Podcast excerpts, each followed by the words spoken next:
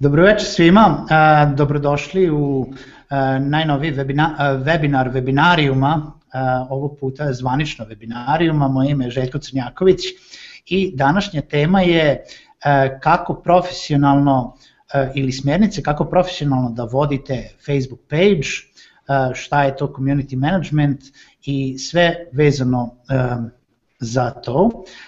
Naš večerašnji gost je Aleksandar Radokin iz agencije Homepage u Novom Sadu. Aleksandre, pozdrav, dobrodošao. Hvala lepo, bolje vas našao. Dobroveče svima. Eto, ovaj konačno i, i ovaj način ovaj edukacije i, i držanja ovaj sebi, seminara, to jest webinara da is, da ovaj malo isprobamo i eto nadam se da će vam biti korisno.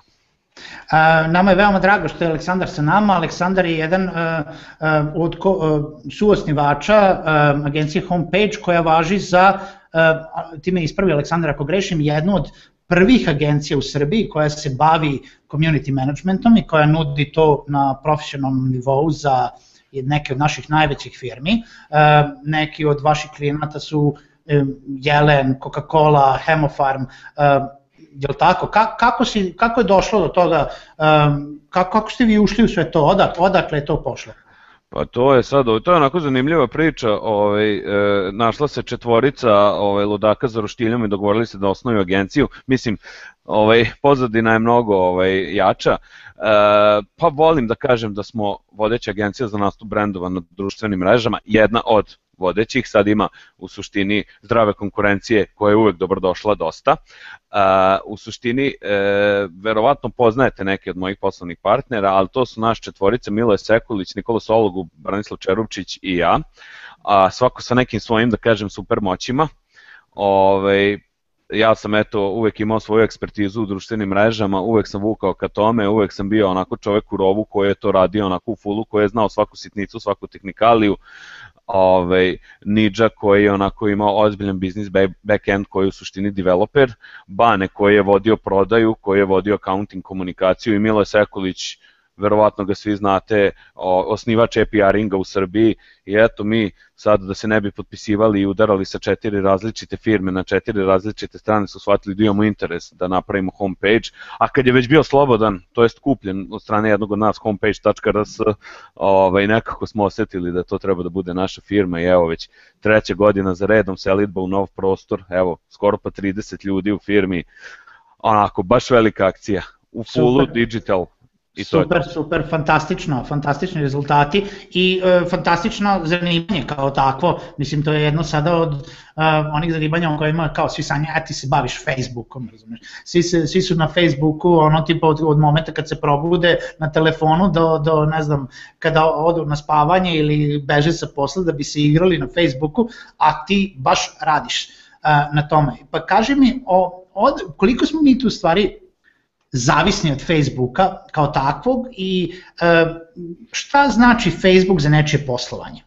Mm, pa, ovaj, sad koliko smo zavisni od Facebooka, dosta govori činjenica da ovaj, e, Facebook, što se tiče Srbije, ima 3,8 miliona napravljenih naloga, to je ona zvanična, ovaj, e, zvanična informacija koju Facebook izbacuje pri kreiranju edova, a mi to uzimamo sa rezervom i kažemo da ima aktivnih naloga koji, kažemo, eto, na nedeljnom nivou se uloguje bar jednom na Facebook, oko 2,6 do 2,8 miliona, to su nam i pokazali ovaj, statistike naših headova, gde nismo mogli bukvalno da prebacimo tu cifru.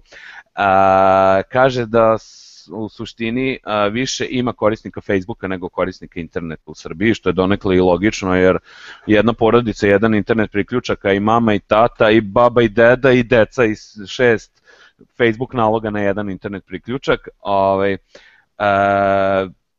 eto sad, kad smo već tu, mogu da kažem da ima malo više muškaraca, 55% nego žena. A, Izvini, ja ću te prekinuti, ovo su sve podaci za Srbiju, je li tako? Tako je, ovo su sad sve podaci za Srbiju. Ovaj, e, u suštini iz ovoga zaključujemo da je to jedan ogroman potencijal i ogromna jedna platforma gde možemo mi da plasiramo bilo šta vezano za naš brend, za našu firmu i u suštini još jedna bitna stvar je što sve ovo dobijamo po ceni ono polovine billboarda u Beogradu.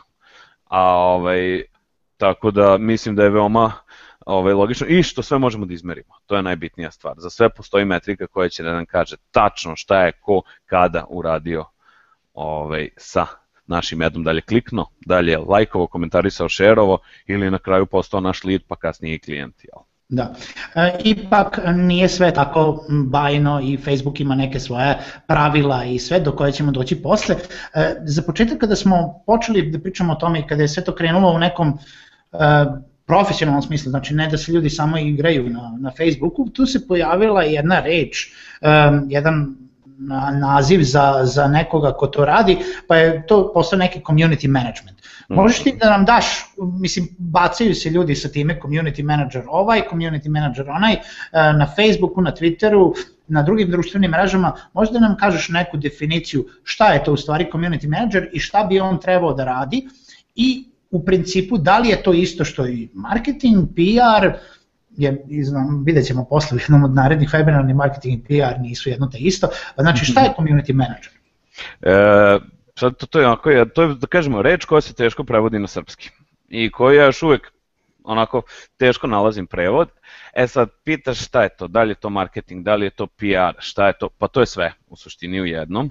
Ovaj, to je osoba koja je ispred nekog brenda zadužena za komunikaciju između tog istog brenda i krajnjih korisnika kojima se plasira neki kontent, neki sadržaj. E sad, da to sad ne, ne bude to sad, evo sad ja vama pričam priču, možda bi bilo najbolje željko da uzmemo četiri jahača apokalipse, što smo mi nazvali community management i da objasnimo otprilike šta bi jedan community manager trebao da radi. Pa bi ja sad otvorio slajd, ako se slažeš. Slobodno, slobodno. E, dobro. Ove, ovaj, e sad, ove, ovaj, je se vidi slajd? Jeste. Odlično. E, znači, ajde da kažemo četiri osnovna postulata community managementa. Prvi bi bio neki planning. To je neka stvar koju mi jako često, to jest, kažemo, uvek radimo, znači to je prva ona komunikacija sa klijentom gde se mi dogovaramo šta taj klijent želi da postigne na društvenim mrežama, znači da li želi nešto da proda, da li želi da podigne svoj brand, da li želi da ojača svoje prisustvo u suštini, u sastancima sa klijentom dolazimo do onih ciljeva i golova koje klijent želi i ovaj, sprem koji hoćemo da ostvarimo što bolji performans kampanje i krećemo u planning, uh, kreiramo sadržaj po dogovoru sa klijentom. Uh, u podsadržaj tu spadaju vizuali koji se objavljuju na stranici, pod sadržaj spada i tekst, kopi koji lepimo uz iste te vizuale. Uh, kreiramo nedeljne, mesečne kalendare istih tih objava šaljemo klijentu te objave, klijent onda sugeriše, ej, slušaj, mogli bi da ubacimo ovo, mogli bi ovo da izbacimo u suštini, uvek ovaj, u dosluhu s njim radimo i sve što radimo šaljemo njemu na odobrenje. Posle toga, kada dobijemo odobrenje od klijenta, mi u suštini krećemo taj sadržaj da plasiramo, ali bez dobrog planinga nema ni dobrog ovaj sadržaja, ovaj sigurno ćete se složiti.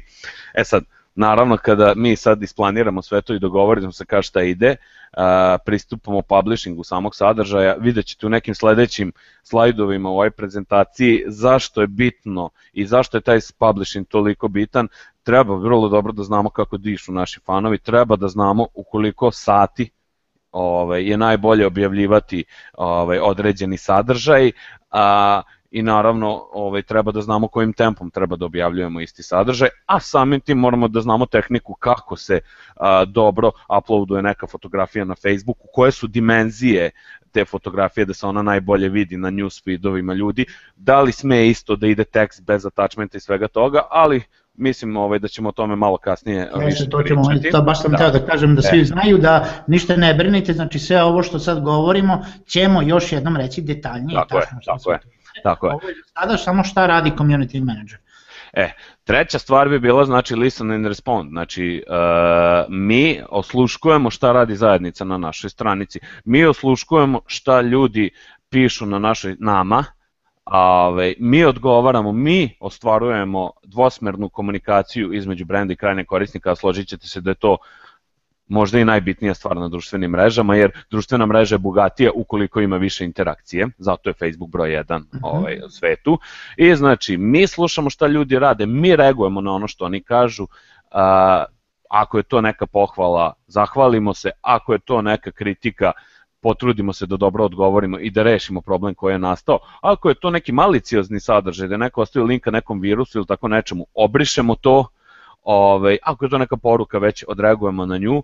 Na primjer, eto mi u agenciji sa svojim klijentima čak e, potpisujemo i ovaj, e, znači, sate, znači postoji u ugovoru navedeno koliko sati od kreiranja nekog e, problematičnog sadržaja ili ne, ili o neke pohvale treba da prođe, pa na primjer u roku od dva sata na nekim ovaj, glavnim stranicama mi treba da odgovorimo.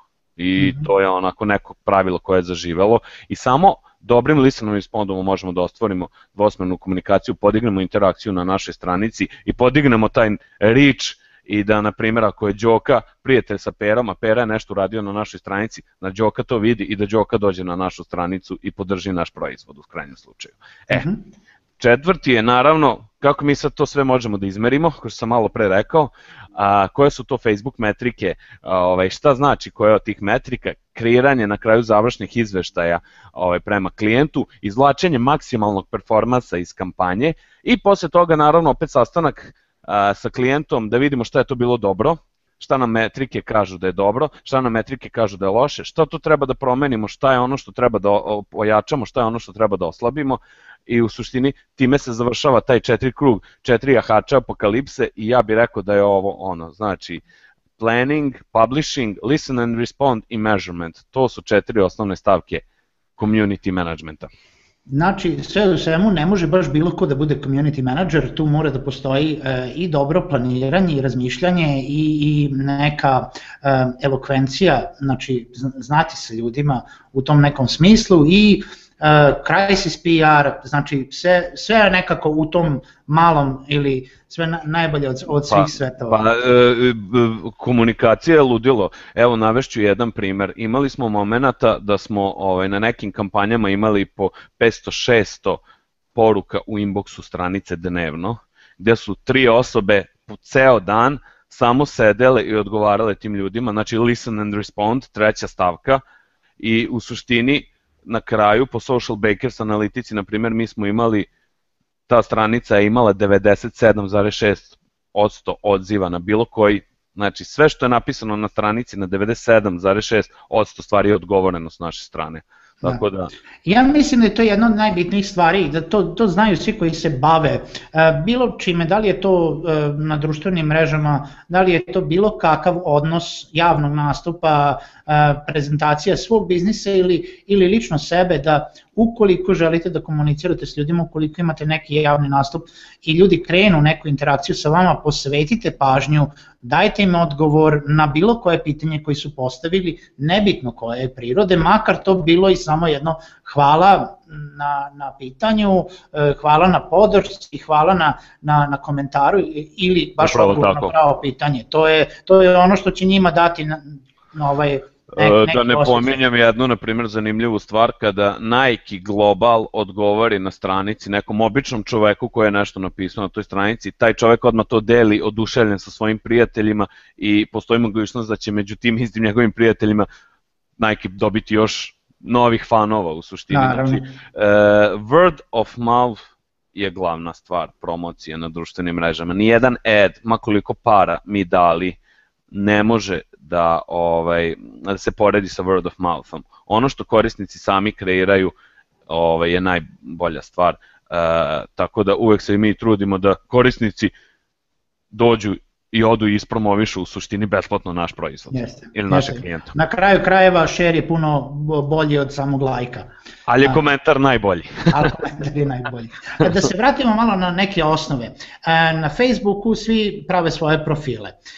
Aleksandar, kaži nam šta je to Facebook page i šta je razlika između Facebook page i profila i šta bi mi to, zašto bi mi trebali da pravimo neki e. page? E sad, ja sad ovaj, obično ovaj, na konferencijama, na svojim predavanjima pitam ovaj, ljude u publici ovaj, koliko je vas administrator neke Facebook stranice i uglavnom bude bar 50% ljudi ovaj, imaju Facebook stranice, neki su administratori. I onda pitam a koliko vas je pročitalo Facebook page guidelines I ja, jedno mi se jedna osoba javila, rekao super, svaka čast i mene je smaralo, ali sam jednog dana u suštini odlučio i pročitao i kažem uh, uvek, u, sada ne moramo da delimo link, dovoljno je da ukucate na Google FB Page Guidelines, odmah prva stranica koja će vam se pojaviti je link ka tome, onako napisano je relativno šturo, nije jako dugačko, uh, onako ukoliko znate onako osnovno znanje engleskog, ukoliko imate možete da shvatite šta ovaj Facebook tu misli, jer na kraju dana ukoliko imate Facebook stranicu, ona jeste nešto materijalno ovaj, i ne, u nešto u što ste vi uložili, ako ne pare, onda bar vreme i ne, ne bi bilo baš dobro da to nešto izgubite zato što ste prekršili neko pravilo, a niste ni znali da ste ga prekršili. Ne izigravam Facebook policajca, nego samo onako ovaj, pokušavam da vam pomognem jer su nam se javljali ljudi koji su izgubili stranici po 200-300 hiljada fanova na sebi. U suštini, Facebook profil po Facebooku ovaj, Terms and Conditions je a, za personu koja ima ime i prezime. Facebook profil je za običnu osobu. Znači, mene, Aleksandra, Željko, tebe. Ja. Facebook kaže create page for your business. Znači, sve što nismo nas dvojica, ide na page. Bio to neki community fanova bilo kog benda ili fanova neke glumice, pa do ozbiljnih stranica, ozbiljnih institucija, vlada, država, republika ili nekih ovaj, jakih svetskih brendova, to sve mora da ide na Facebook page. Ok, it's always free and it always will be free, ok, dosta relativno. Facebook kaže da je sve besplatno, na Facebook page-evima neke stvari jesu besplatne, ali ukoliko želite nešto da postignete opet na kraju dana, Facebook se komercijalizovao, izašao je na berzu i ljudi su shvatili da možda i ne vredi toliko koliko su u prvom momentu mislili i za neke stvari stvarno morate da platite, što potpuno ima smisla, jer i vi kao brand zarađujete, pa zašto bi neko vama nudio besplatnu platformu? Mislim, ne pitamo se ti i ja, nego Čika Mark se tu uglavnom pita i da. ekipa njegova, da. Tako da, a, e, još jedna napomena u vezi toga, evo baš a, poslednjih dana je krenula neka malo veća čistka od strane Facebooka. Dvoje, troje ljudi mi se javilo od preključe da su im obrisani profili koji su glasili na neke firme i da su zamoljeni da ovaj, migriraju sa profila na Facebook stranicu, što je isto moguće. Znači, a i ne mora Facebook da vas to zamoli, možete i sami to da uradite. Ove, e, ali da. samo da napomenem da se onda gubi kontent koji je već tu bio. Onda samo se uh, friendovi profila postanu lajkovi na tom page i to je sav kapital koji prenosite. Znači bolje je u startu odmah kreirati stranicu jer gubite opet deo nečega. Da, a, a kaži nam, e, pošto sad svi se zanose sa time, jel da, kreirat ćemo svoju stranicu i onda ćemo da skupljamo lajkove i to nam je jedna od najbitnijih stvari, koliko imamo lajkova, da imamo 100, 200, 300, 5000, 100.000, 3 miliona lajkova, mada nisu lajkovi sve um, pogotovo ne kad odemo u te neke sume, pogotovo ne ako se ti lajkovi kupuju uh, ili ako ti lajkovi pripadaju nekome kome uh, ko nije zainteresovan uopšte za nas. E, kaži nam po nekom, pošto se Facebook stalno menja, po nekoj novoj uh, metrici Facebooka, uh, na šta bi najviše trebalo obratiti pažnju? Da li su to lajkovi, da li je to engagement, da li je to nešto treće? Znači, u, ne, nedavno si pričao na webi s poslovne edukaciji, si pričao o tome da, se, da, se, da je tu došlo do nekih promena, pa me sad Evo, zanima da, da, da, da, da kažemo uh, ljudima najnovije informacije. Samo jednu stvar, ovaj, da ispravim, kupovina lajkova je malo kod nas reč, pa platiš Facebooku reklamu, pa ti neko preko reklame lajkuje stranicu, to je isto kupovina lajkova u suštini.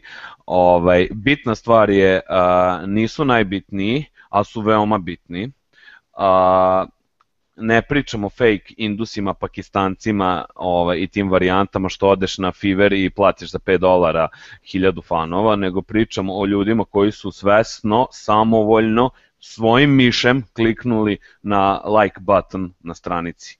Ukoliko je taj znači like button bio preko Facebook reklame ili nekog invajta ili u suštini da je Perica pisao nešto pa je Đokica, njegov prijatelj na svom newsfeedu video da je ovaj, da je on to uradio i da mu se pokazao opet taj like button. Tako da, ovaj, u suštini, e, na kraju dana, zašto su bitni fanovi? Pa zato što edovi mogu, napominjem, mogu da budu jeftiniji ukol, kad ih plasirate vašim fanovima. Što više fanova imate, više će ljudi videti vašu reklamu za isti novac. E, a ajde, ovaj, kao što si rekao Željko, da ovaj, malo popričamo o Facebook metrikama, Facebook metrike kao deo, ajde da kažemo, ovog četvrtog jehača apokalipse measurementa.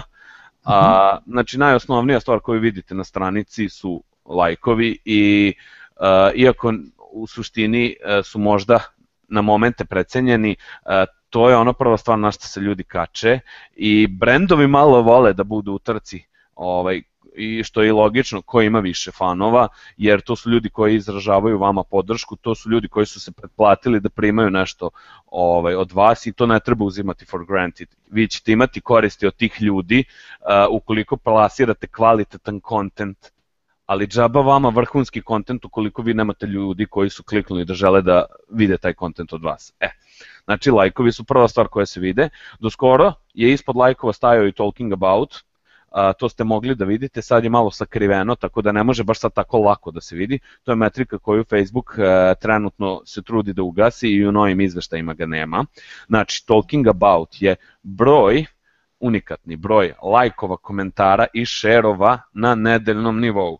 Znači, ako je danas 11. decembar, kad vidimo neku cifru na današnji dan talking about, a to je u suštini broj lajkova, komentara i šerova od 4. decembra do 11. današnjeg dana, znači 7 dana unazad.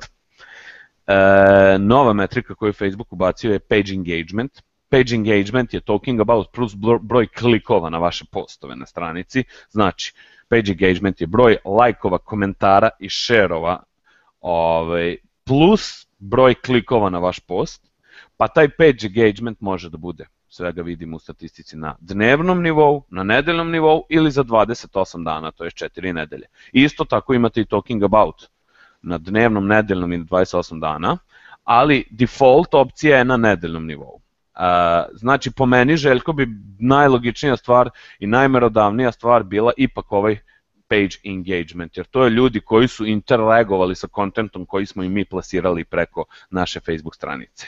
E, a, da bi imali veći page engagement, naravno, ovaj, i da bi imali ovaj, dobar ovaj, engagement rate, o tome ćemo isto popričati, mi moramo i da imamo reach. Reach je e, broj ljudi koji su videli bilo šta vezano za našu stranicu, Uh, naravno posebno imamo reach za razne vrste edova, posebno reach za postove i taj reach može da bude organski. Organski reach je broj naših fanova na stranici koji su videli našu objavu.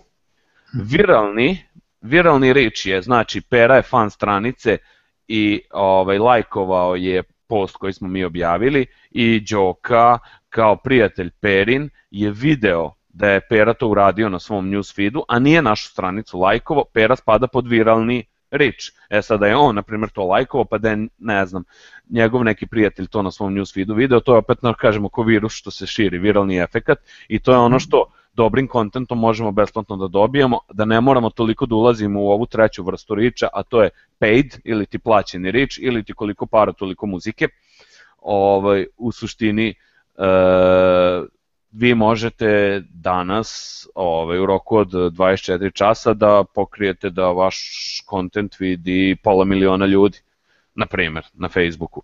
Ne može milion zato što otprilike oko 800 do 900 hiljada ljudi dnevno uloguje na svoj Facebook nalog u Srbiji, tako da, ali, kažem, vi možete i to ima svoju cenu. Znači sve se može platiti, ali opet kažem, mnogo je bolje kad se postignu ovi druge vrste riča, I ovaj reč isto možemo da imamo ovaj, onako izvučeno na dnevnom, nedeljnom i četvoronedeljnom nivou. To ovo su četiri osnovne metrike koje mi uvek ovaj, pakujemo našim klijentima, koje naši klijenti svake nedelje dobijaju u njihovim izveštajima i to je ono od Facebook metrika na koje se mi kačimo i kasnije naravno u dogovor s klijentom celu priču širimo, jel? Ja imam samo dva pitanja za tebe. Sad ovde, u stvari pričat ćemo posle o tome da jedan od ono što si pomenuo, da ukoliko dođemo do pay, da Facebook ima jedan od najboljih uh, načina za targetiranje uh, ljudi ukoliko je to bitno za vas, zna, u svakome je bitno, uh, ali uh, samo da se zadržimo na metrikama, imamo ono, uh, onaj famozni broj da uh, nebitno koliko lajkova imate, naravno da bilo šta što postojete na page neće videti 100% ljudi koji su lajkovali stranu, e, isto kao što bi to bilo ako ste kao na profilu friend sa nekim, pa to vide svi vaši prijatelji, recimo. Uh, i, ili, uh, ja da te pitam, je li to istina, je li, je li to tako radi i na profilima, znači je li to vidi 100% prijatelja ako ja pustujem nešto na profilu, znam da je uh, neki minimalni procenat na, na page-ovima, nekih 7-8%. Jel čak da, i manje. Čak, čak i manje. A, ovaj, a drugo pitanje je za tebe, um, što se tiče onoga što si rekao, znači imamo one, one težine, znači šta je like, šta je share, šta je comment, u, u, u tom smislu, znači E, e, razlika je opet između profila i page-eva, znači kada šerujemo nešto, da li to vide onda e, svi naši prijatelji, jer smo mi šerovali, jel tako, jer ne možemo, možemo šerovati nešto na nekoj strani, ali ne možemo, uvek šerujemo mi sami, jel da, kao, kao takvi, da li to vide svi naši prijatelji? I da li je stvarno bilo šta na šta ostavimo komentar ima puno veću težinu nego ono što šerujemo. E, pa ovako, ovaj, što se tiče prvog pitanja, e, na nekim stranicama samo možda 1 ili 2% naših fanova vidi objavu koju smo mi plasirali, ovaj, što je onako dosta poražavajuće, time naš Facebook tera da platimo ovaj, za čak i naši fanovi koji su kliknuli da žele da prime informacije od nas, mi moramo i njima čak da platimo, ali je to što plaćamo prema njima dosta jeftinije nego ostatku auditorijuma. Na profilima je situacija malo bolja, ali Facebookov algoritam newsfeeda je dosta zanimljiv jer ukoliko si ti Željko, na primjer, zadnjih nedelju dana pet puta lajkovao nešto na nekoj stranici tipa Hemofarm, tebi će non stop iskakati Hemofarm u vrhu, zato što u suštini treba, često ostvaruješ interakciju s tom stranicom i ispadneš pod onu ovaj, e, pod to ti ulazi onda u tvoja top interesovanja po njihovom algoritmu. E, znači, e, e, sa Facebook prijateljima je malo lakše i tipa 10% vaših Facebook prijatelja vide objavu na vašem Facebook profilu. Na page-evima je to dosta niže, ali za Facebook profila je 10% neki limit ovaj, koji se vidi. e sad, nama se u iskustvu pokazalo da onako kad vagamo šta je najbolji taj efekat viralni stvara, e, da li like, da li komentar ili share, pošto sam rekao, ako neko klikne na share, samo će 10% maksimalno njegovih prijatelja videti taj isti share. A, ovaj, a ukoliko nije jako nešto viralno, tipa kuce i mace, ovaj, onda neće biti ni neke velike interakcije ovaj, ovako po defaultu.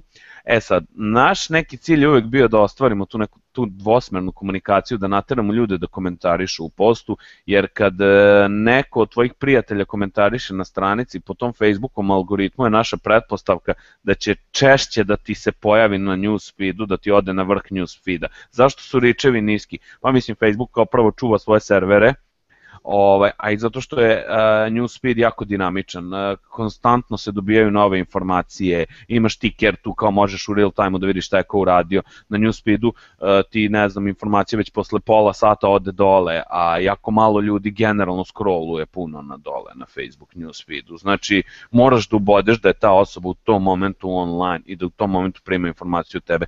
Pre je donekle bilo lakše, ali sad je teže. Da.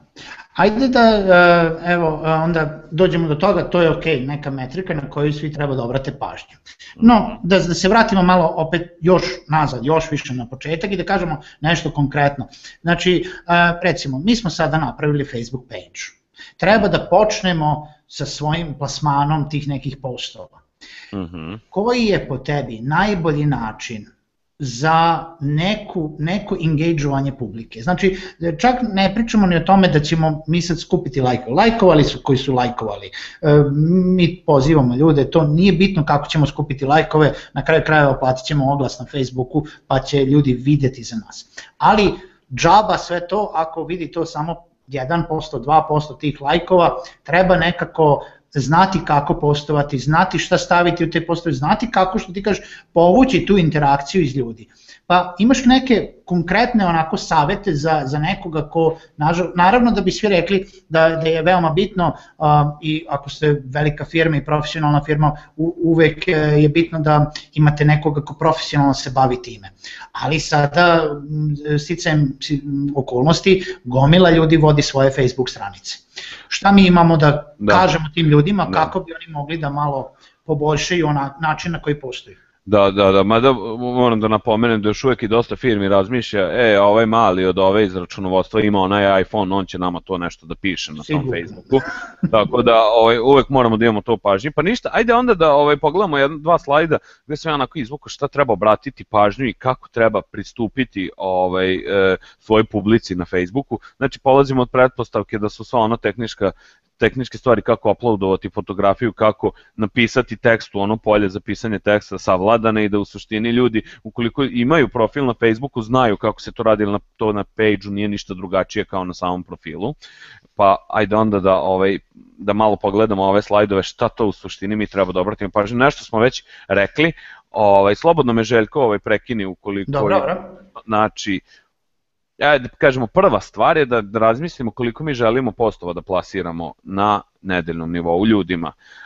Na nedeljnom i na dnevnom, naravno. Neka preporuka moja je da se ide sa bar 5 do 7 objava nedeljno, znači jednom dnevno barem da postoji post na stranici, da ta stranica se vidi da je živa i da tu ima neke aktivnosti, a preporuka je da to bude 14-15 objava na nedeljnom nivou. Znači, jed, dve objave dnevno, jedna u prepodnevnom na primjer terminu, evo sad baš ulazimo odmah i u ovaj timing postova.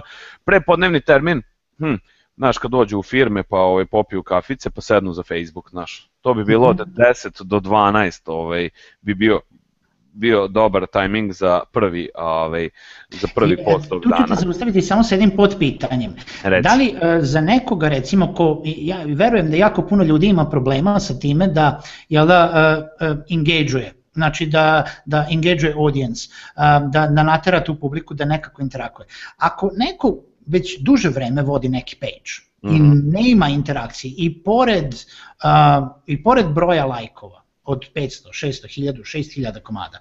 Da li misliš da i dalje učestalost postova mora da se zadrži konstantno pa će to doći vremenom ili Pa evo ja imam primere stranice koja ima 60 postova dnevno i njima ne treba reklama zato što oni sa 60 postova dnevno pokriju rič koji bi dali tipa 10-15 eura dnevno Facebooku.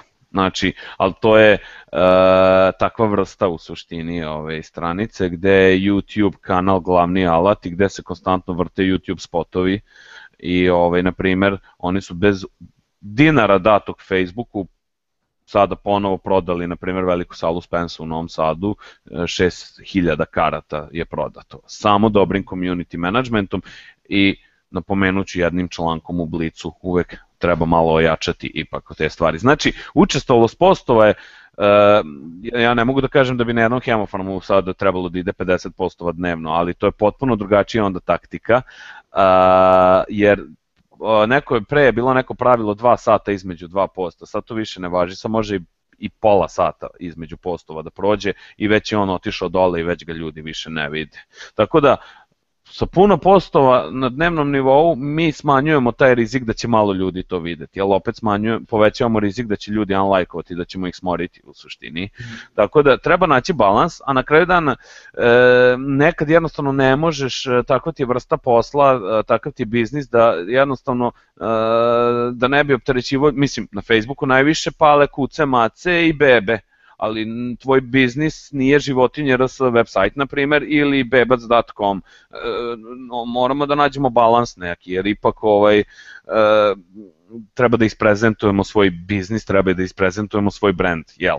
Tako da nekad ipak na kraju dana ovaj, treba platiti Facebooku i, i treba neki budžet odvojiti. Znam da je to malo nezgodno, ali takve su stvari, ali to opet nisu neki ultra mega giga veliki budžeti, to se u suštini sa, e, ovaj, i sa manje uloženog novca može dosta efektivno postići. Ali u svakom slučaju treba biti istrajan u tom smislu. Naravno, naravno. Znači, e, moramo znati i zbog tajminga je bitno kad naši fan, kako dišu naši fanovi, moramo da poznajemo naše fanove na stranici. Evo ja imam primjera e, Facebook stranice koju u dva ujutru najbolji reč imaju objave, zato što je to, na primjer, sajt za Android platforme i Androidaši geekovi, oni su najaktivniji ovaj, u dva ujutru, u suštini kad na miru ovaj, sednu da rade svoje poslove.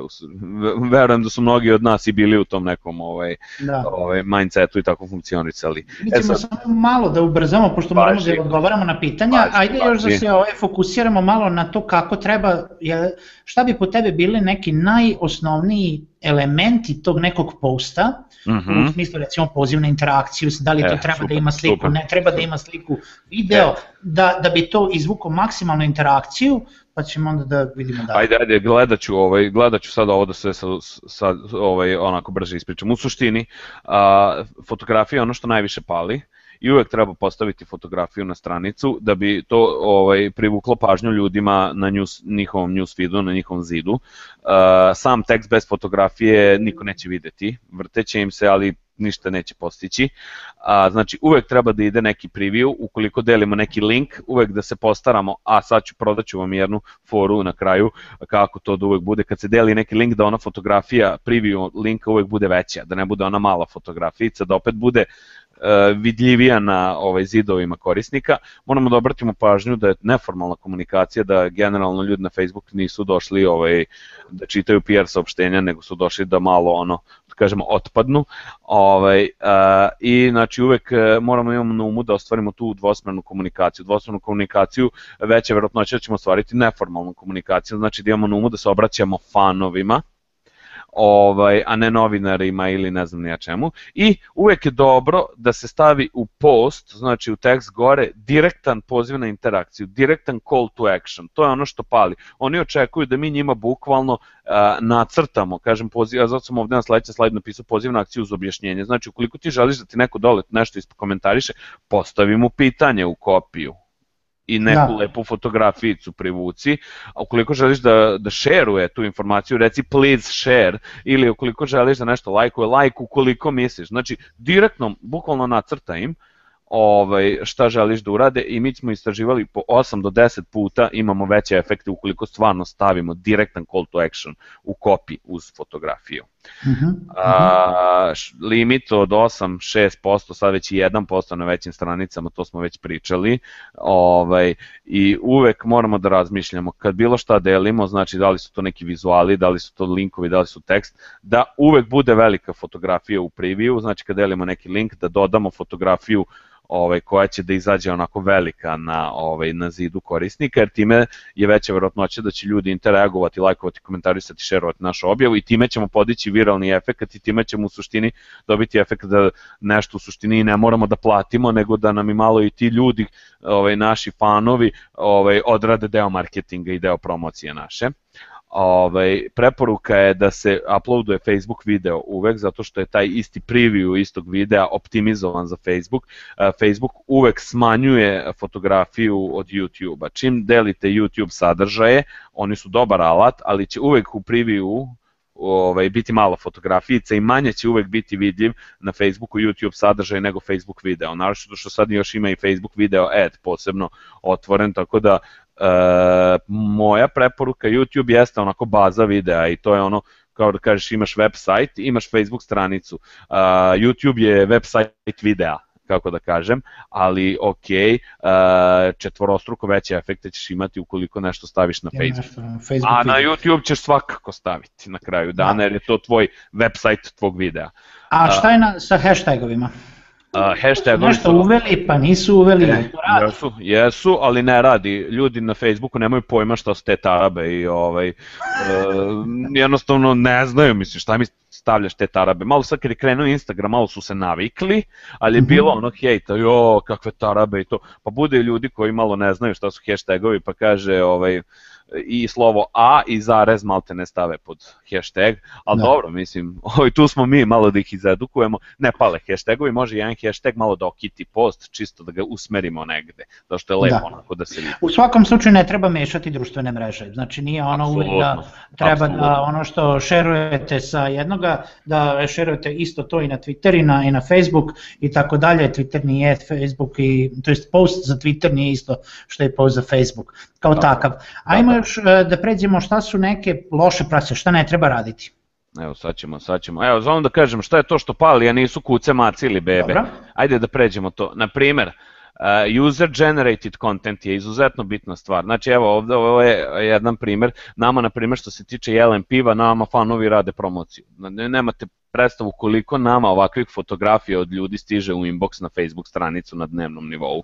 I oni bukvalno, e, mi ih nagradimo što oni u suštini nas promovišu besplatno i uvek naravno e, objavljamo na stranici fan fotografije, zahvalimo se ljudima, pošaljemo im ovaj, pivo, majice ili šta god imamo od merchandisinga u tom momentu i to jako pali, ti ljudi su onda oduševljeni još nas dodatno posle toga ispromovišu i uvek su ovakvi, na primer fotografije user generated content, uvek imaju bolju interakciju nego neka formalna, direktno onako vrhunske produkcije fotografija.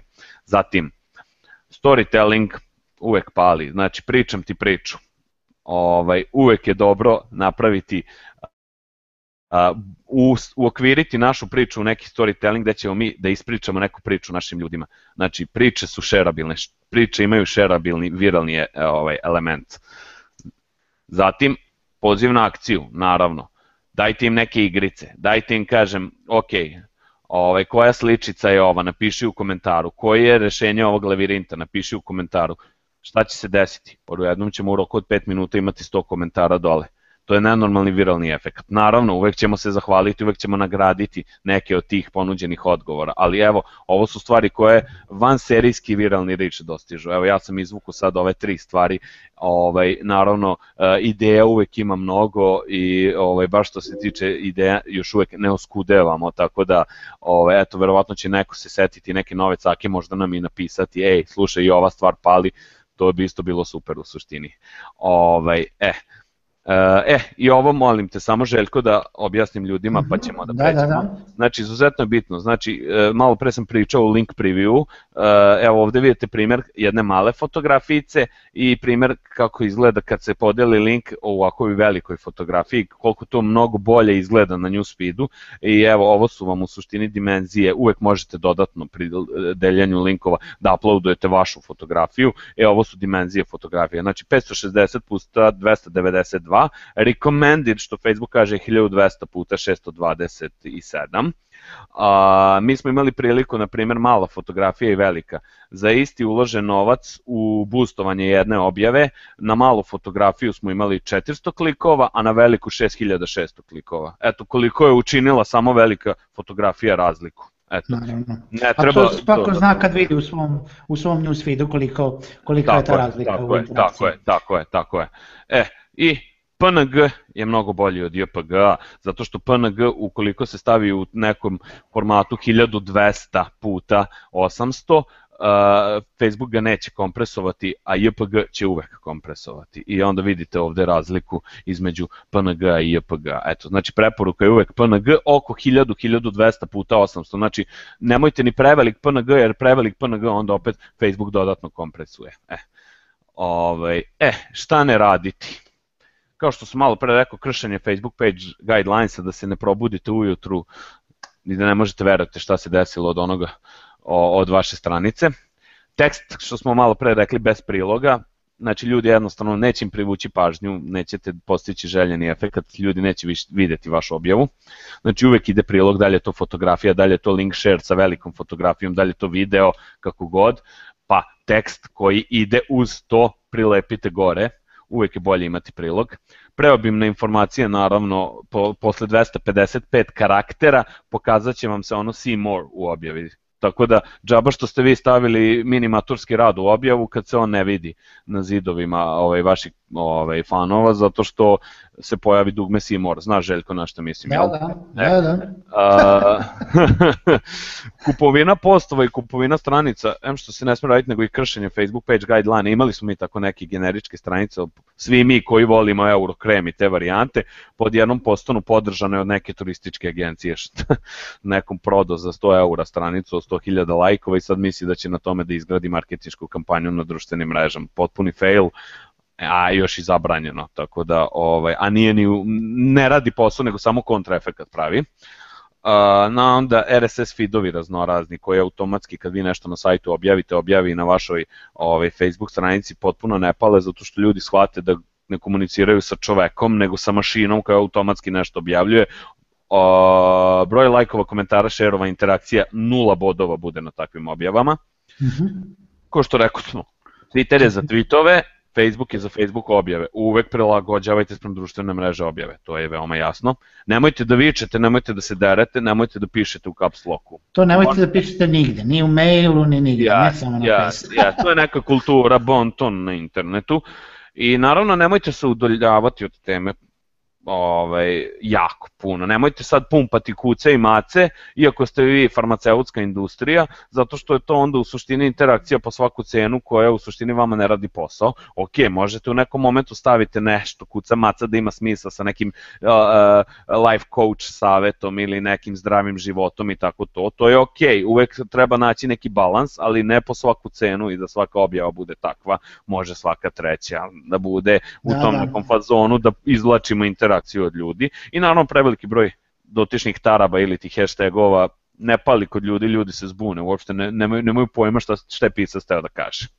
Znači u principu najviše jedan hashtag da bi ono Tako je. da okitimo. Čisto, da okitimo i da ima tu, tu neku ovaj, follow up kroz, kroz to. E, ja bih sada polako prešao na pitanje, već smo e, debelo odmakli, ja se izvinjavam svima, ali, ali je Facebook e, preobimna tema, malo za pola sata samo i dosta, inače brzo pričamo, imamo dosta pitanja, i preći ću ja na neke, pa ćemo mi onako probati što konkretnije da odgovorimo bez ulaska u neke dalje priče, pa kažemo ovako, prvo pitanje, Aleksandar, šta se događa ako korisnici uopšte ne postavljaju pitanja na koji način se postišu i koliko je važno za community management uopšte? Pa, to je nešto od onoga što sam ja tebe pitao, mislim da li treba i dalje biti uporan sa tom jednom dve objave dnevno ukoliko nema interakcije? E, sad interakcija jako zavisi od kontenta, znači direktno je proporcionalno kvalitetu kontenta koji mi stavljamo, ali stvarno još sam malo pre rekao, postoje nekad neke teme koje jednostavno ne iziskuju toliko interakciju a, e, i nekad je možda bitno samo da određen broj ljudi vidi tu objavu. E sad, a, ukoliko želite da neko odgovori vama, postavite mu pitanje u objavi, kao što sam malo pre rekao. Znači, mhm. call to action treba da vam bude pitanje i to po mogućstvu da je taj odgovor na to pitanje koje ste vi postavili u dve reči. Da. I, I ako su... i dalje ne pali, probajte nešto drugo. Probajte promeniti temu, probajte, je li tako? Tako i pristup, na primjer. Znate, uvek je teško, na primjer, eto, farmaceutska industrija, kao što je Hemofarm, da smo se predstavili kao Hemofarm, mm, teško da bi postigli efekt koji smo predstavili kao zdrav koncept svako dobro koji stoji iza Hemofarma. Znači, možda treba da promenite e, način pristupa vašim fanovima. Da. Ajmo sledeće pitanje. E, vodim stranicu na Facebooku od 6500 fanova. Često kreiram sadržaj koji vrlo brzo počne da se šeruje i lajkuje i komentariše. Post engagement u prvih pola sata zna da bude preko 20%. Međutim, reach se zakuca na 200 do 400 ljudi max i odatle ne mrda. O čemu se radi? E pa, ovaj, to je sad, da, to je ono što sam malo pre rekao, pola sata šta se desi na objavi u suštini 90% trž, ovaj, naše potencijalne auditorijuma je već potrošeno. A, Facebook jednostavno sve više i više smanjuje taj viralni efekat, viralni reach iz prostog razloga zato što želi da mu platimo. I to je to. Njihova komercijalna linija, na to nažalost mi ne možemo da utičemo, možemo da poboljšamo kvalitetnim kontentom, viralnim efektom, ali na kraju dana oni će na kraju želeti da mi ipak platimo da bi postigli onaj pravi bombastični efekat. I nažalost mi smo primorani da to radimo. Uh, um, ali opet kažem, to je dosta jeftinije nego, ne znam, kampanja ovaj, City Lightovima, billboardima ili reklamama u nekim medijima, na televiziji da ne pričam. E. Ajmo dalje. Šta je najvažnije raditi kako bi se Facebook page pojavio u suggested pages? E, sad, to je zanimljiva stvar.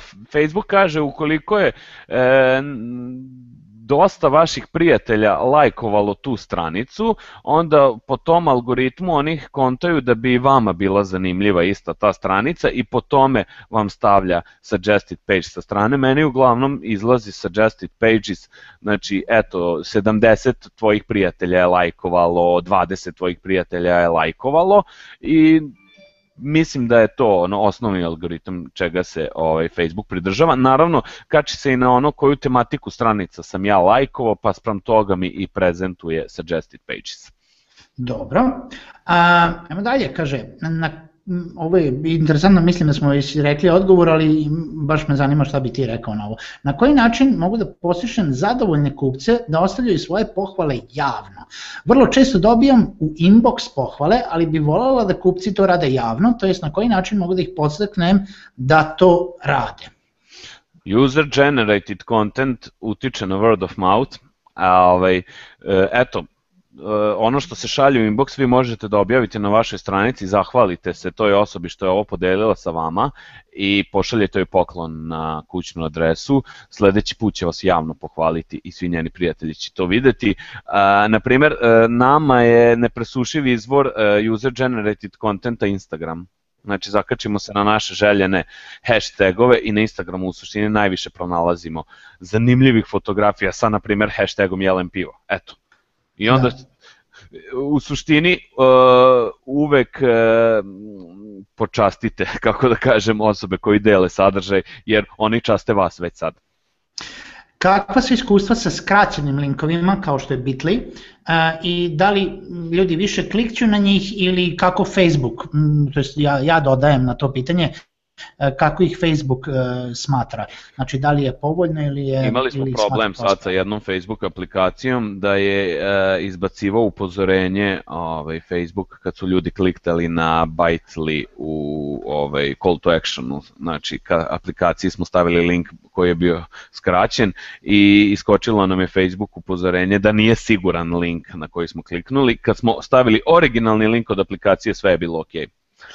Da. Tako da E, ja mogu isto da kažem da u email marketingu Bitly često bude više okarakterisan kao spam, nažalost, e, zato što to, to. ga više tako i prvo su ga počeli tako koristiti, tako da ovaj Ja volim nije... Bitly zato što imam statistiku, što vidim tačan broj klikova i, i to mi se jako sviđa, ali nekad ume da napravi glupost.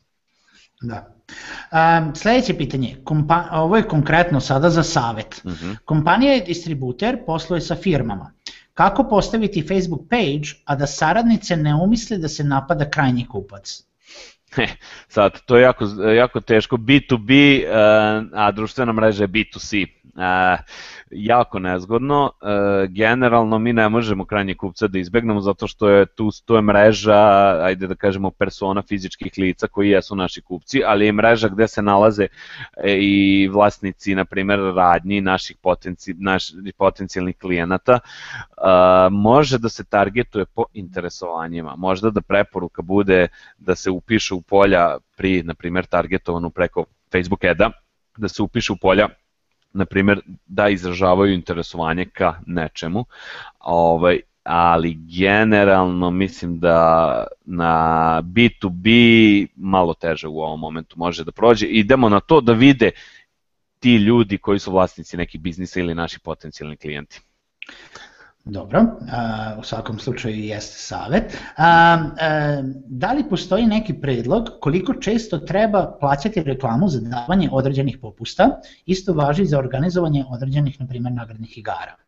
Uh -huh, uh -huh. E, pa što se tiče na primjer nagradnih igara, mi to na primjer kao kreiramo kao posebne kampanje koje traju onako mesec dana i onda kreiramo budžet i podelimo ga na dnevnom nivou ovaj, s tim što uvek se pojača na kraju. Uh, i posebna komunikacija ide za to, posebno se boostuju postovi vezani za tu objavu, nezavisno od postojećih na stranici. E sad, mi imamo neki običaj s našim klijentima da kreiramo dnevni iznos za boostovanje postova i kao što kreiramo ove mesečne i nedeljne kalendare, tako isto kreiramo i, i radimo media planning na nedeljnom i mesečnom nivou, znači ovaj, naši media planeri s našim community menadžerima i našim akauntima sednu, prenesu želje klijenta i mi u suštini onda zajedno kreiramo ovaj, kompletan plan i promocije i kreiranja samih objava, ali uvek je tu neki dnevni budžet u pitanju, ovaj, sad zavisno od klijenta, ovaj, dnevni budžeti veoma variraju, pa ne bilo bi nezahvalno da pominjem koliki su.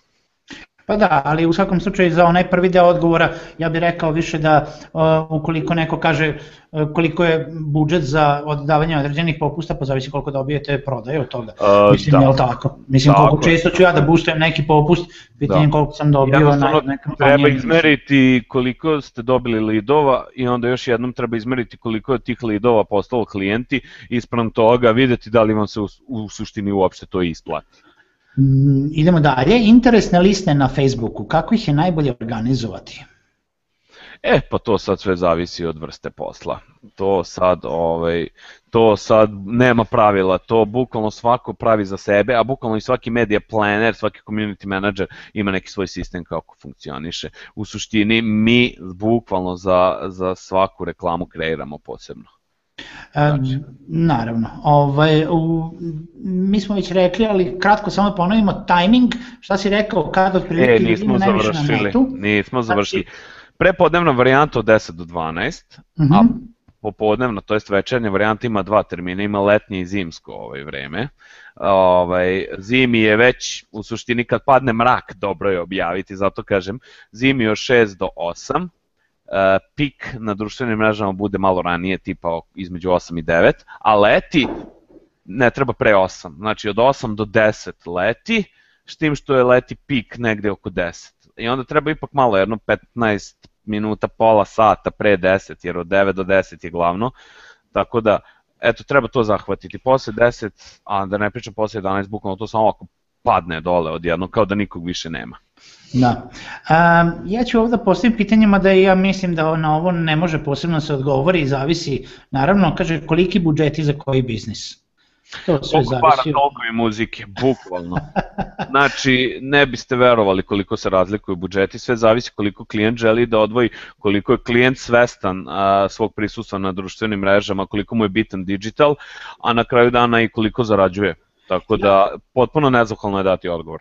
Ja moram da ovaj pomenem, meni se jako svideo primer kada smo bili na poslovnoj edukaciji Webiza u galeriji, ovaj baš primer hotela galerija i ne, mislim, ne radim ovo zato da ih reklamiram, ali ti ćeš bolje reći, onaj odnos cene koji su platili na, na Facebooku u odnosu na to šta košta recimo jedna objava u Blicu.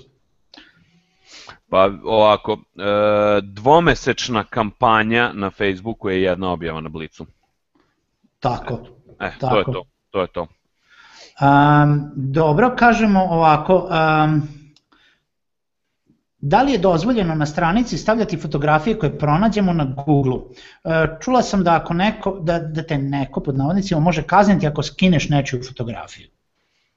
To prvo nije etički, ovaj, iz poštovanja prema kolegama fotografima koji konstantno im se krade materijal na društvenim mrežama, a, a generalno Facebook je kao YouTube krenuo sad u zaštitu autorskih prava što se tiče videa i nema šanse da ćete uploadovati neki snimak vas, a da je u pozadini neka pesma koja je ovaj popularna. Isto tako u suštini imaju politiku i sa fotografijama, ali na fotografijama je dosta relativno je mala verovatnoća da će to da se desi, ali može da dođe osoba koja je vlasnik fotografije i dođe na fotografiju i da kaže this is my intellectual property i da podnese zahtev Facebooku da se banuje taj materijal. I veoma često će vam, ukoliko dođe do tog reporta, Facebook i banovati taj materijal. Dobro, znači u svakom slučaju treba praviti neki svoj materijal i Apsolutno. kreirati nešto, ako ništa drugo veremo u Photoshopu nešto si... E, ili stok fotografije u krajnjem slučaju. Ili kupiti, naravno, da. Tako je. A, e, kaže ovako, pročitala sam da će Facebook uvesti zabranu na to da se ljudi pozivaju da šeruju sadržaje, da li je to tačno?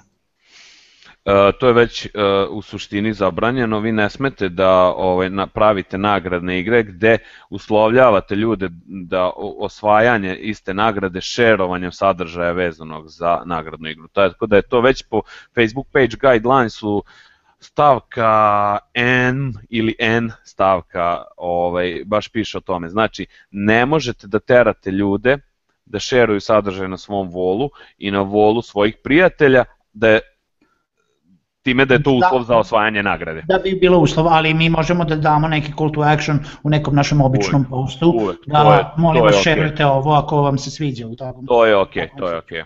Dobro. Um, koji je najbolji način reklamiranja na Facebooku? Putem klikova ili putem pregleda? Uh, putem uh, unapred definisanog cilja. Znači, ukoliko boostujemo post je uh, per engagement, ukoliko pravimo reklamu za Facebook stranicu cost per page likes, ukoliko reklamiramo website cost per website click. Znači, ono što je Facebook unapred predefinisao u ovom momentu, da ste me ovo pitali pre šest meseci, rekao bi manualni cost per click, ali se promenilo i sada unapred u suštini možete da kažete troši se po engagementu i ništa ne može da se poredi sa time ovaj, jer e, najviše onda dobijemo interakcija za uložen novac, najviše website klikova ili najviše page lajkova. Ne može ni cost per impression, ni cost per click, ni da se približi ni malo tome. E, konstantno testiram i to je onako najsvežije od pre dva dana sam zadnji put opet istestirao jednu varijantu, ne, još uvek je ono, unapred predefinisano, uvek najviše upali. Što znači opet da je kontent koji vi provajdujete najbitnija stvar. Šta misliš o korišćenju više jezika na jednom page-u?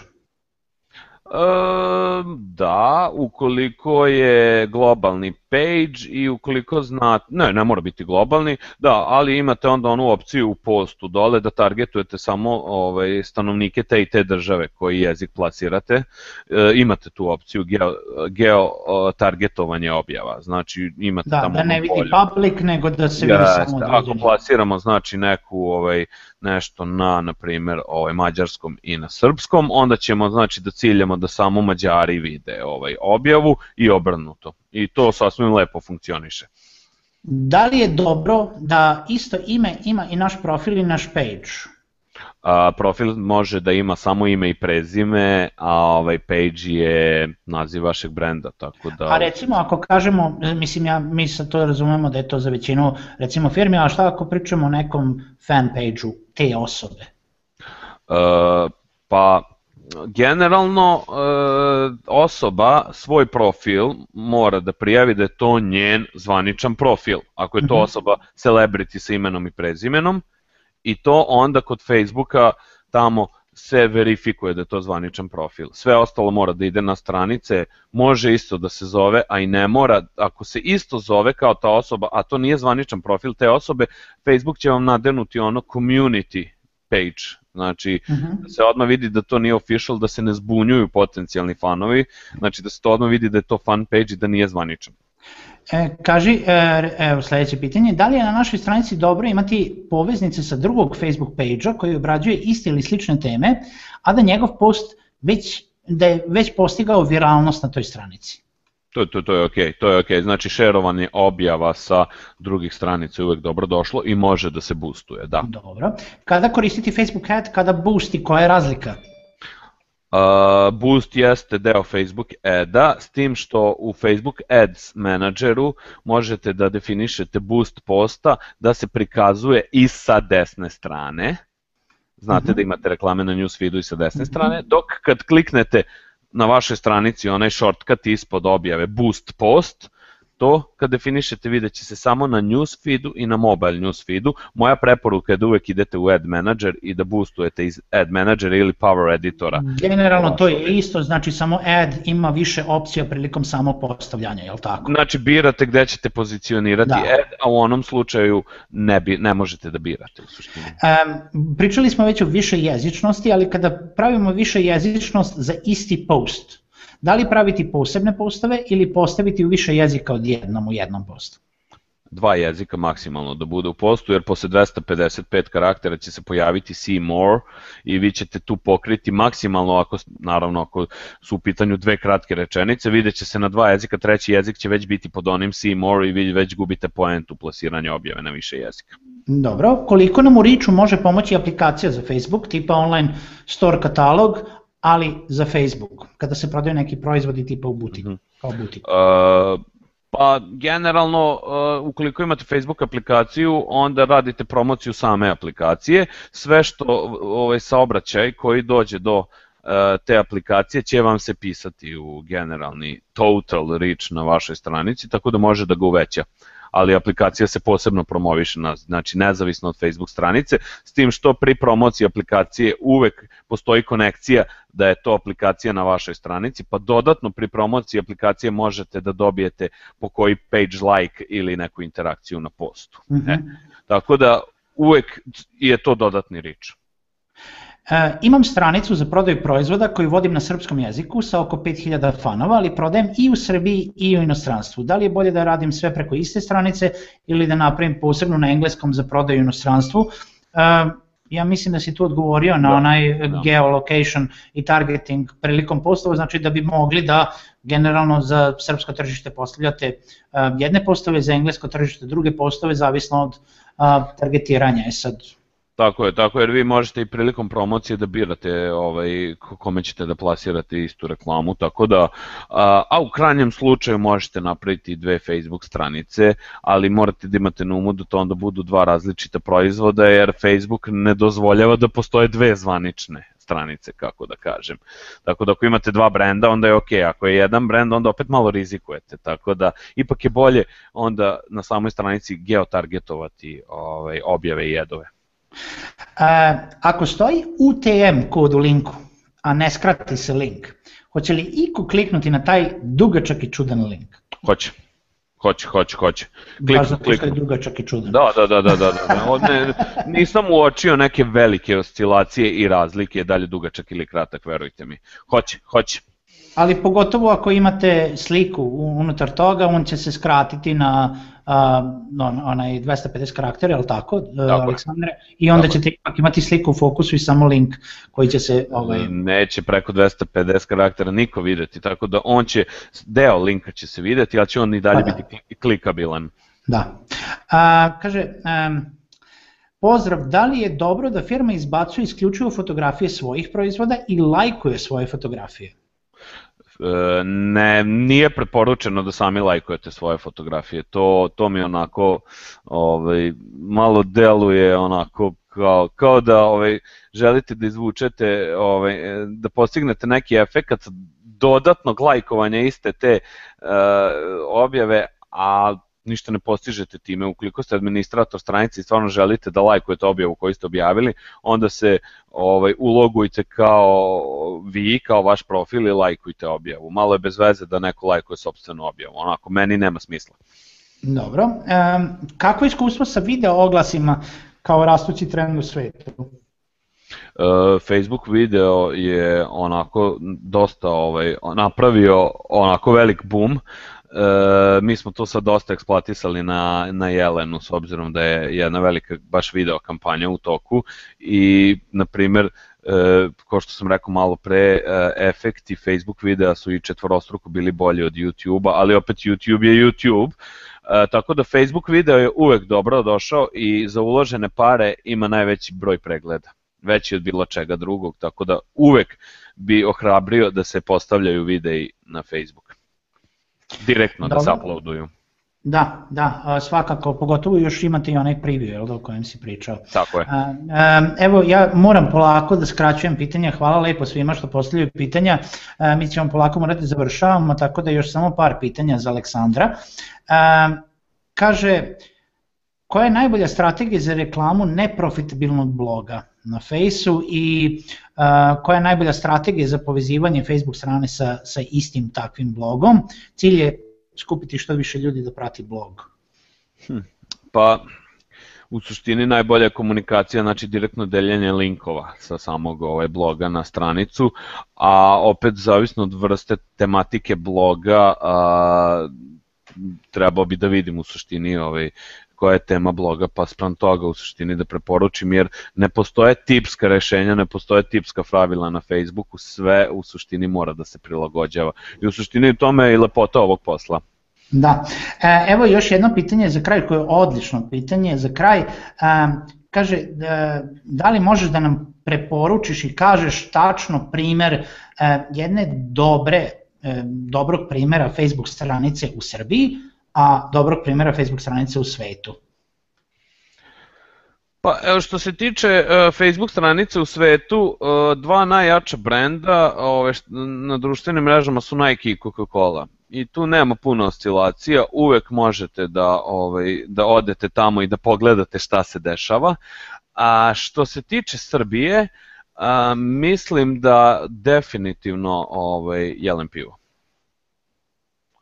Dobro. Jer jako smo i ponosni na tu ovaj, stranicu, uh, onako, to je stvarno stranica koja živi svoj život. To, to, to je opšte ludilo na toj stranici, kako da vam kažem. Ovaj, definitivno bi to izdvojio onako kao jednu onako dobar primer gdje su svi ti neki aspekti uklopljeni i, i onako funkcionišu u sprezi dosta dobro ovaj, zajedno. Tako da, eto, preporuka definitivno i svratiti na svako dobro hemofon, samo vidite kako može jedan koncept koji je u suštini svako dobro koji mi često koristimo u našem ovaj, govoru, može da se prilagodi i da na dobar način a, prezentuje jednu farmaceutsku industriju.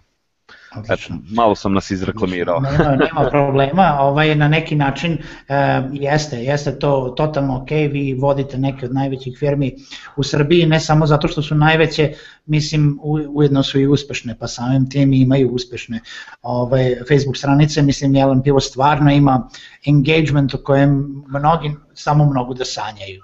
Uh, mislim lok, na lokalnom nivou kao tako. Mm -hmm. A, e, Aleksandre, prvo tebi želeo bih da ti zahvalim za, za večerašnje gostovanje u našem webinaru. Mislim i meni je brzo prošlo i imam osjećaj kao da bi mogli da razradimo Facebook tematiku još jedno 2-3 sata, barem kako bi ušli u svaku poru svega i neke stvari jesmo malo možda brže pričali, ali poenta je da se, poenta je bilo da se ispriča nešto što uh, ti jako često pričaš na konferencijama, a gomila ljudi nema prilike to da čuje, pa evo sada imaju i imaće priliku posle toga na našem YouTube kanalu, da čuju te neke osnove šta je to Facebook page, kako bi sami trebalo da napravite neki svoj mindset, da uđete u to, da, da vodite, ako već nemate uslove da, da to poverite profesionalcima ili potrebe, da, da poverite to profesionalcima, ali opet e, svima je u cilju da, da opet ne, ima, imate neka osnovna saznanja o tome. E, pa, pa kao prvo hvala ti lepo na gostovanju, ja verujem da ćemo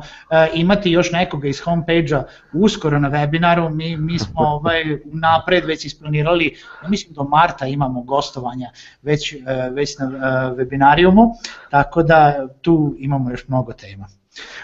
E pa, ovaj, u stvari je prvenstveno da se zahvalim vama, jer ovaj, u svakom slučaju koliko je ovo korisno i za ekipu i publiku i za ovaj, kompletan auditorijum, toliko korisno i za mene, a ovaj, mislim da smo otprilike rekli možda trećinu onoga što sam ja planirao da kažem, a vidim da pričamo već sat i 15, tako da svakako moj predlog je od marta, tamo kad nov plan budete pravili, da pravimo možda part 2 ili part 3, ovaj, a možda da pravimo i poseban deo o Facebook advertisingu, zato što vidim da ima dosta pitanja u vezi Facebook adova, ovaj, tako da meni pa da sad već i na pamet možda i da napravim novu temu na konferencijama, ono kao uh, Facebook advertising, sve što ste ikada želeli da znate o Facebook advertisingu, a niste imali koga da pitate. E, tako nešto da napravimo, tako da, eto novih ideja, novih odlično, tema. Odlično, mi ćemo, e, ovaj, bit će nam jako drago da te ponovo ugostimo uh, na, na webinarijumu i da napravimo nastavak, pošto definitivno tu ima još, još puno da se priča uh, i da se uđe u detalje i advertisinga i, i nekih uh, naprednijih stvari vezanih za da, da se sad ljudi shvatili koliko ovo nije zdravo za gotovo i koliko su u suštini ovo jedna kompleksna stvar kada se raščlani i kad krene ozbiljno i profesionalno da se pristupa tome koliko, ja bih rekao koliko nije zdravo. Ne, koliko ovo nije zdravo. A, ovaj, u svakom slučaju želim svima da se zahvalim što ste nas gledali večeras, e, da nas pratite i dalje, e, webinarium, e, znači možete nas naći na webinarium.rs, na Facebook page-u webinarium.rs ili na Twitteru at webinarium.rs mi imamo još nekoliko iznenađenja za vas ove godine, jeste da se jako bliže kraj godine, ali mi tako pokušavamo da, da nekako naguramo. Imaćemo odmah posle ovog webinara jednu nagradnu igru, jedno iznenađenje za sve koji nas prate. E, do kraja godine ćemo da skupljamo vaš engagement jel da, ovaj na, na Facebooku i na Twitteru, pa ćemo i da podelimo neke lepe nagradice, a planiramo i lansiranje našeg web sajta do kraja godine i naravno još tu mnogo, mnogo webinara koji će dalje biti besplatni za sve ove koji žele da slušaju. Sve ove webinare dalje možete pogledati na našem YouTube kanalu koji se nalazi na youtube.webinarium.rs i do sledećeg gledanja želim vam ugodno veče i pozdrav! Pozdrav!